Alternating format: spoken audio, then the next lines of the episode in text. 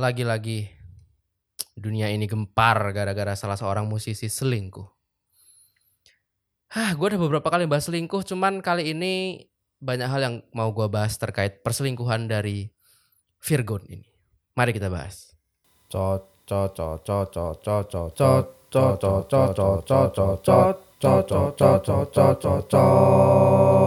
Cocot by Besok Kerja Podcast.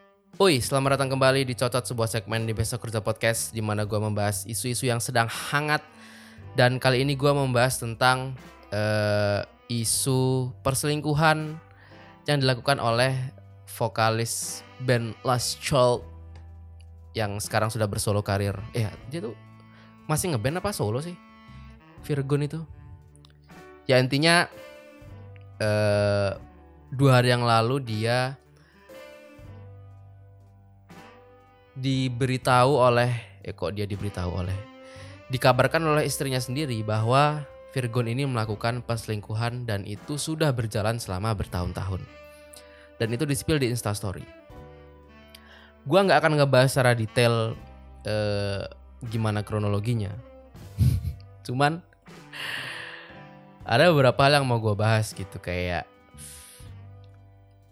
jadi jadi gini eh, si Virgon itu kan dia menikahi salah seorang eh, mantan personel girl band. Apa sih nama girl bandnya itu? Bek Beksa, Biksa, Beksa ya.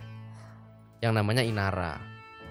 Nah dulu seperti girl band girl band pada umumnya, ya si Inara ini ya penampilannya ya kayak wanita-wanita pada umum girl band pada umumnya gitu kayak ya pakai baju tidak menutup aurat dan tidak pakai jilbab dan apa segala macam. Nah, konon beberapa tahun terakhir hijrahlah pasangan ini gitu. Mereka kan udah nikah udah lama terus sudah punya anak tiga apa dua anaknya?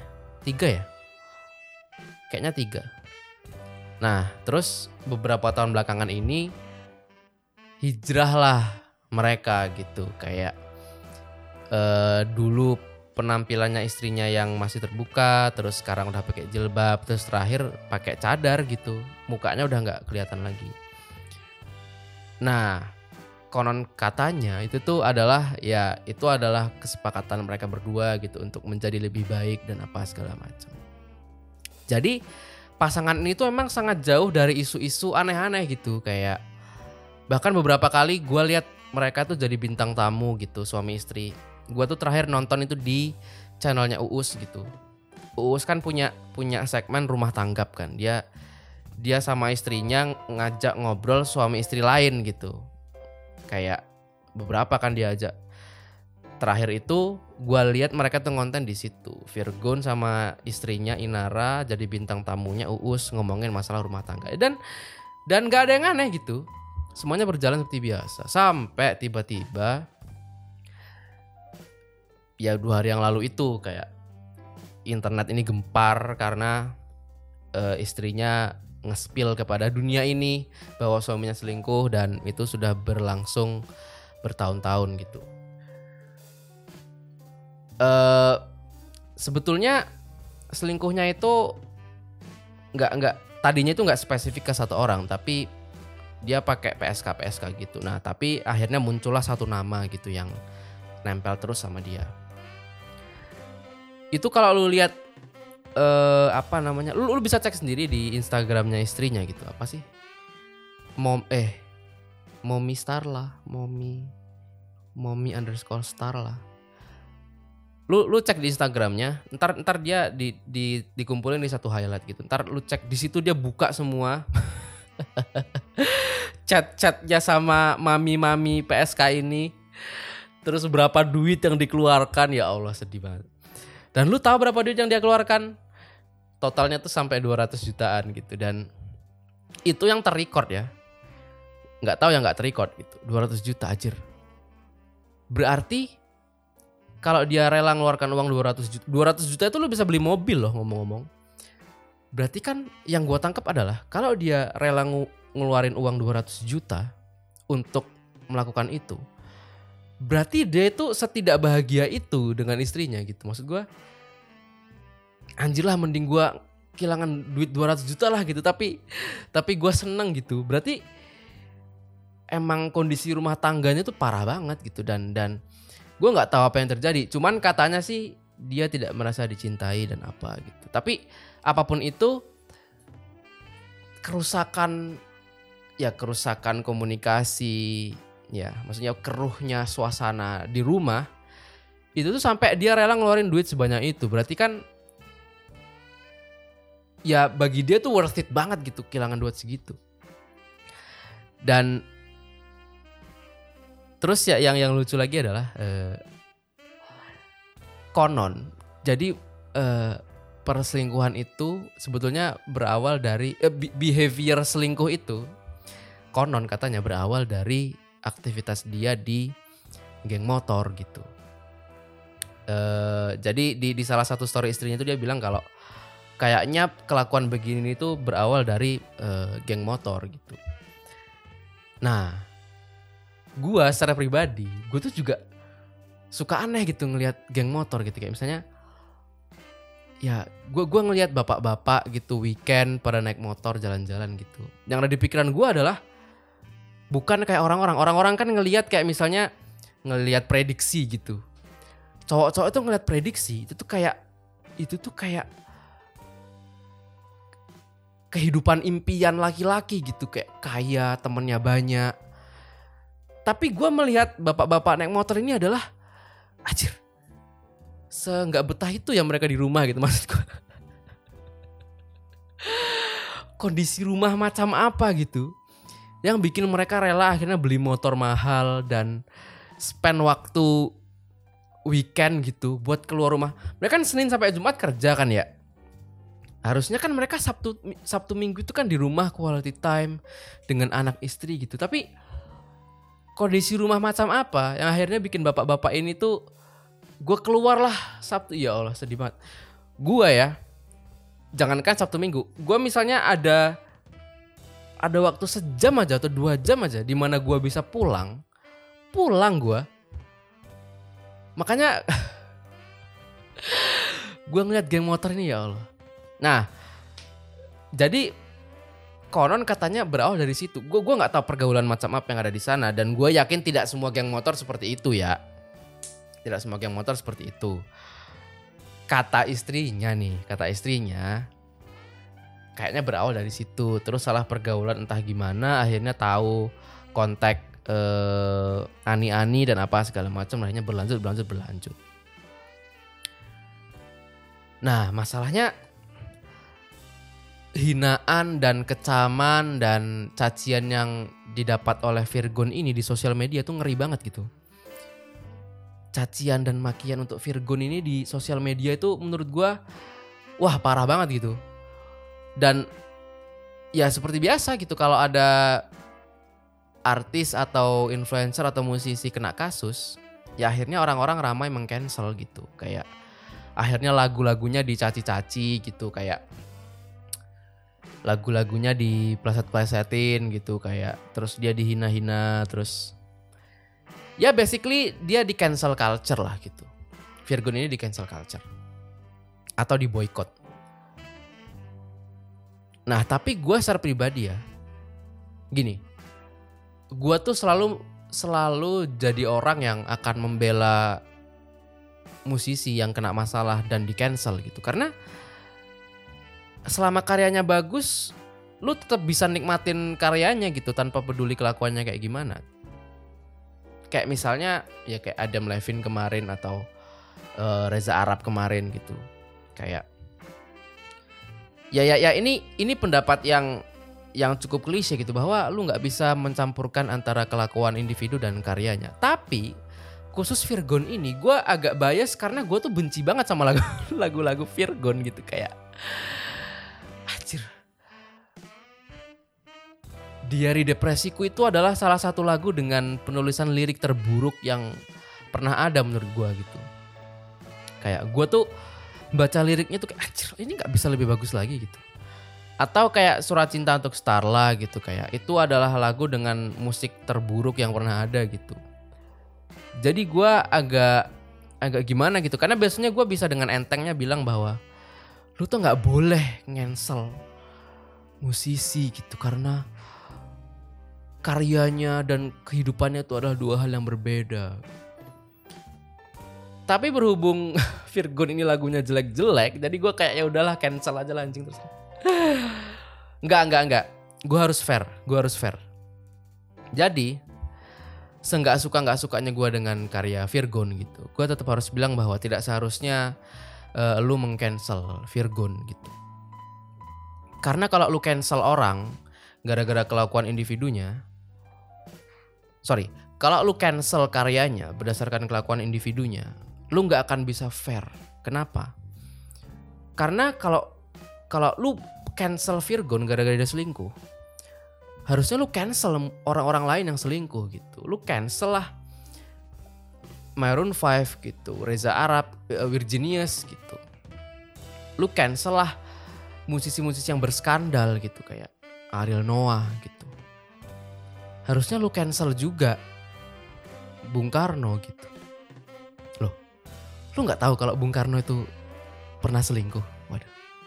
Nih, ini ini gue ceritain ya. Ini ini supaya gue tidak kena masalah. Jadi lu bisa cek ini di autobiografinya Bung Karno, eh, karyanya Cindy Adams. Jadi cerita ini gue agak deg-degan nih ceritanya. Jadi Bung Karno itu dulu waktu masih eh, jadi suaminya Ibu Siti Utari, dia itu pernah ada hubungan fisik ya. Ini kita ngomongin hubungan fisik nih, bukan ngobrol fisik, oke? Dan itu diceritakan secara jelas aktivitas apa yang mereka lakukan di situ. Jadi Bung Karno itu ada hubungan fisik dengan Ibu Inggit Garnasi. Ibu Inggit Garnasi itu tuh adalah istri dari bapak kosnya yaitu eh, Bapak Haji Sanusi. Nah, Bung Karno itu ada hubungan fisik dengan Ibu Inggit Garnasi. Saat Bung Karno masih jadi suaminya Ibu Siti Utari dan Bu Inggit Garnasi masih jadi istrinya Haji Sanusi. Dan di autobiografinya Bung Karno itu dijelaskan kegiatan apa yang mereka lakukan di rumah kos itu dan itu wah, sangat fisikal sekali.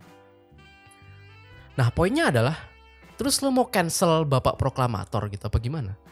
Lu mau cancel bapak proklamasi, lu mau cancel pahlawan pahlawan kemerdekaan Bung Karno gitu. Kan enggak juga gitu. Maksudnya terlepas dari aduh. Dan itu tuh baru satu cerita ya.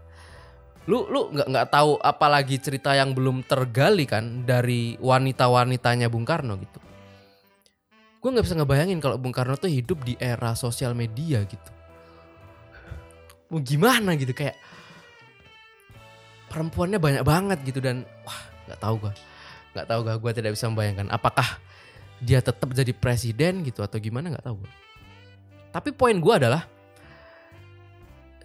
ya kelakuan Bung Karno seperti itu ya. Tapi kan tidak menghilangkan fakta bahwa beliau berjasa kan. Dia punya karya proklamasi gitu.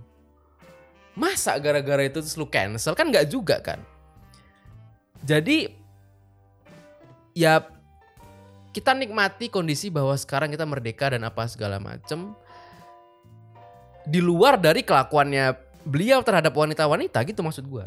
Kenapa lu nggak bisa lakukan itu ke ke Virgon gitu? Maksud gue ya buat lu yang menganggap lagunya Virgon enak dan gue yakin banyak ya. Banyak yang nganggap lagunya Virgon enak. Misalnya kayak dari depresiku terus surat cinta untuk Starla bukti ya. Bukti kan kamu adalah bukti. Ya lu tetap bisa dengerin lagunya gitu. Lu tetap bisa dengerin karyanya tanpa peduli kelakuan individunya gitu. Karena kalau lu cancel cancel gitu lu nggak akan bisa fair. Nggak akan bisa fair. Lu harus cancel semuanya kalau gitu. Virgon cancel Ariel Noah cancel Ahmad Dhani cancel uh, Virginius Maroon 5 cancel. Bung Karno cancel. Michael Jackson R. Kelly cancel. Dia tuh pedofil. Terus siapa lagi yang lu cancel? Eh uh, siapa sih yang pernah ngaku selingkuh tuh? Tora Sudiro. Ya dan dan artis-artis lain gitu. Nggak bisa kan? Ya udah makanya kalau lu masih pilih-pilih, nggak usah cancel sana cancel sini gitu. Anjir. John Lennon gitu dan artis-artis lain gitu ya. Ya karena orang itu punya masalah pribadinya gitu dan nggak seharusnya itu jadi konsumsi publik. Yang jadi konsumsi publik itu ya karyanya aja gitu. Dan selain itu ya, sekarang banyak yang permasalahkan kayak sekarang banyak yang nanya gitu kayak kenapa ya kenapa sih Virgon ini kan istrinya cantik selingkuhannya lebih jelek apa segala macam ya ampun. Hari gini masih ada yang nanyain itu loh. Ya ya ya yang namanya selingkuhan itu tuh emang mostly lebih jelek gitu. Gini ini gue jelasin bagaimana konsep perselingkuhan. Jadi gini teman-teman konsep perselingkuhan. Jadi ini eh, misalnya lu punya pasangan, oke. Pasangan lu ini let's say skornya itu adalah 70 dari 100. Yang harus lu lakukan sebagai seorang pasangan adalah lu terima. Terima aja karena nggak akan ada yang 100. Namanya orang nggak nggak ada yang sempurna kan? nggak akan ada yang 100. Nah, cuman yang namanya manusia itu kadang tolol gitu. Jadi tadi kan 70 dari 100 kan. Nah, dia itu nyari 30 gap ini untuk diisi gitu. Jadi dia cari cara untuk ngisi gap 30 ini dan itu ada di orang lain gitu. Orang lain itu mungkin skornya cuma 40, 50, 35 gitu. Tapi dia punya 30 yang gak ada di pasangannya. Contoh ya, contoh. Misalnya pasangannya kalau ngewe nggak mau sambil nampar gitu misalnya. Misalnya, misalnya. Nah, orang lain ini udahlah jelek, matre, eh, galak gitu ya. Tapi dia ngewe mau sambil nampar nih gitu. Bakal dikejar orang ini gitu. Mau skornya 40, mau 35, tetap dikejar. Kenapa? Karena dia punya yang menghilang dari pasangannya gitu loh. Jadi konsep perselingkuhan itu adalah bukan nyari yang lebih baik, tapi nyari yang nggak ada, nyari yang beda gitu loh. Makanya dia itu cenderung lebih jelek, tapi orang yang lebih jelek itu punya sesuatu yang nggak ada. Itulah kenapa selingkuh itu manusiawi, karena orang itu akan nyari yang beda, nyari yang nggak ada dari pasangannya, dan itu kadang ada di orang lain yang secara kualitas lebih rendah, tapi punya sesuatu yang nggak ada itu. Jadi nggak usah perlu lu debatkan lagi gitu. Kenapa orang yang selingkuh itu lebih jelek selingkuhannya ya karena ya dia bukan nyari yang lebih cantik dia nyari yang nggak ada. Dan ya sama kayak Adam Levine punya istri BHT Prince lu kurang cakep apa? Reza Arab punya istri Wendy Walters kurang cakep apa? Gerard Pick punya istri Shakira kurang cakep apa? Virgon punya istri Inara cari yang lain ya. Ya dia nyari yang nggak ada gitu. Ya mau gimana? Itu harus lu pahamin gitu. Konsep perselingkuhan itu satu supaya lu ngerti behavior orang selingkuh dan supaya lu tidak selingkuh gitu. Karena kalau lu mencari yang nggak ada itu nggak akan ada habisnya. Lu akan nyari yang lain lagi yang lain lagi. Terus gue mau bahas eh, kayak gue tuh aduh sebetulnya Virgon itu termasuk yang kurang beruntung karena dia kan jelek ya. Dia jelek jadi yang jadi hinaan itu adalah fisiknya gitu. Yang dia dibilangin lehernya hitam lah apa segala macem lah. Cuman yang yang lucu itu adalah pembahasan leher hitam itu enggak ini kan awalnya perselingkuhan ya. Terus orang-orang menjelekkan fisik sampailah ke leher hitam Nah, terus tiba-tiba muncul nih dokter-dokter yang menjelaskan bahwa eh leher hitam itu bukan karena kurang skincare gitu, tapi karena itu tuh gejala diabetes ya Allah. Dari perselingkuhan tiba-tiba jadi edukasi kesehatan lucu banget. Dan gua baru tahu, jujur gua baru tahu itu. Karena kalau gue lihat leher orang hitam tuh dan mostly orang gendut ya. Itu tuh kayak ya karena gendut susah bersihinnya. Ternyata ternyata diabetes ya Allah. Dan itu eh, apa ya pengobatannya ya pengobatan diabetes gitu bukan dengan digosok-gosok gitu ya Allah lucu banget.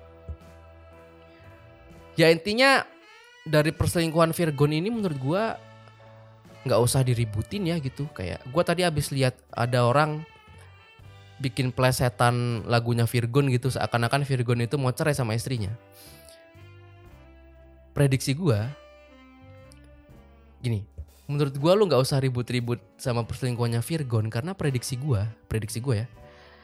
Ini akan berakhir damai gitu. Ini akan berakhir eh, mereka cium tangan di depan kamera, di depan pers dan akhirnya penonton kecewa seperti biasa gitu. This is Lesti Bilar all over again menurut gua. Karena kalau gua lihat kayak sifat istrinya ya, kayaknya dia tuh istri yang yang solehah banget gitu ya, yang nerimo banget gitu. Kayak kan Virgonya udah jelas-jelas brengsek ya. Kayak buktinya udah ada segala macem. Tapi dia masih bilang kayak ini nih salah selingkuhannya itu gitu kayak. Padahal enggak. Yang paling salah tuh Virgonnya kan kayak kan selingkuhannya banyak nggak cuman cewek ini tapi banyak ani-ani segala macem kan masalahnya kan berarti di Virgonnya tapi istrinya ini masih membela dan menjaga nama baik suaminya. Menurut gua sih ini akan berakhir damai ya. Jadi daripada penonton kecewa di akhir mending lu udah stop. Nggak usah ngebahas perselingkuhan mereka biarin. Biarin rumah tangganya mau lanjut mau bubar mau terserah. Tapi prediksi gua mereka akan berakhir damai. Kita tunggu beberapa hari lagi apakah akan terjadi apakah akan digugat cerai atau berakhir cium tangan di depan pers menurut gua akan berakhir cium tangan. Jadi mending kita ngebahas yang lain aja. Mending kita ngebahas kasus anak polisi yang gebukin mahasiswa. Dan bahas yang pasti-pasti aja. Sayang bro. Energi bro. Makanya gua di episode ini gua juga nggak yang ngebahas perselingkuhannya apa. Gua ngebahas topik-topik lain gitu. Kayaknya saking banyaknya kasus selingkuh, gue akan bikin se- segmen baru di podcast. gue dulu kan pernah bahas selingkuh juga waktu besok kerja ini masih dalam wujud eh IGTV gitu. Eh dulu kalau nggak salah ngebahas perselingkuhannya Nisa Sabian gitu sama Ayus. Dan gue kasih judul selingkuh itu manusiawi. Nah, gimana kalau kita bikin eh, segmen selingkuh itu manusiawi. Nah, jadi nanti ada ini ini nih selingkuh itu manusiawi edisi Virgon. Nah, besok kalau ada selingkuh lagi, kita bikin lagi selingkuh itu manusiawi edisi siapa gitu atau selingkuh itu manusiawi edisi Bung Karno gitu atau selingkuh itu manusiawi edisi siapa. Karena kasus selingkuh ini menarik gitu untuk kita bahas fenomenanya dan ya Anjir. Ya tapi ah, untuk yang Virgon ini emang cukup kaget ya kayak dia tuh soalnya maksudnya secara rumah tangga itu ya ya ya emang menipu sih ya. Ngomongnya hijrah segala macam ternyata hijrah dari Hong Kong. Ya Allah lucu banget. Oke lah itu aja teman-teman buat episode kali ini. Apabila ada kritik dan saran silahkan kirim email ke besokkerjapodcast@gmail.com